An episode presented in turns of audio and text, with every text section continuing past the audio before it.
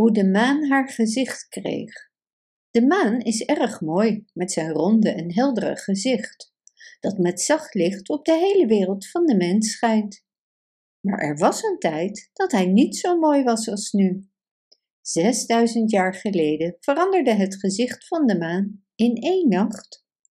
Voor die tijd was zijn gezicht zo donker en somber dat niemand hem graag aankeek en daarom was hij altijd erg verdrietig.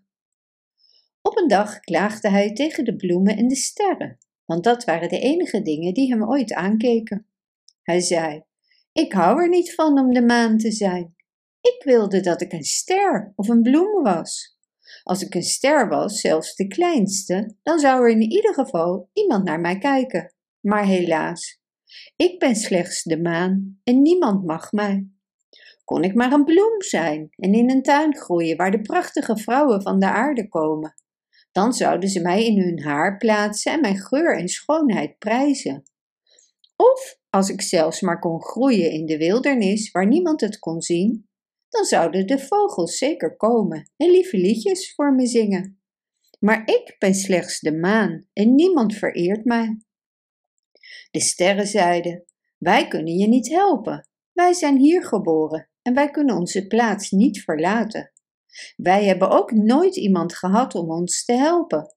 We doen onze plicht en we werken de hele dag en fonkelen in de donkere nacht om de lucht mooier te maken.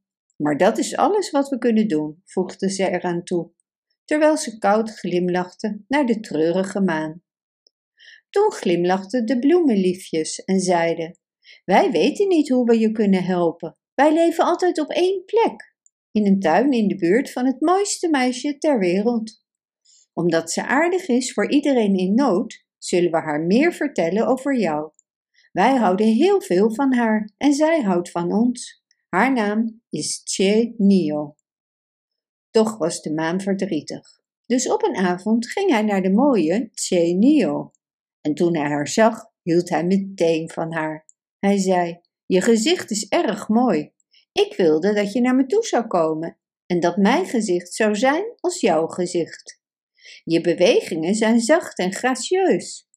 Kom met me mee en we zullen samen één zijn. Ik weet dat zelfs de slechtste mensen ter wereld alleen maar naar jou hoeven te kijken en van je zullen houden. Vertel me eens, hoe ben je zo mooi geworden? Ik heb altijd geleefd met mensen die zachtaardig en gelukkig waren. En ik geloof dat dat de oorzaak is van schoonheid en goedheid, antwoordde Chenio. En dus ging de maan elke nacht naar het meisje om haar te zien. Hij klopte op haar raam en ze kwam.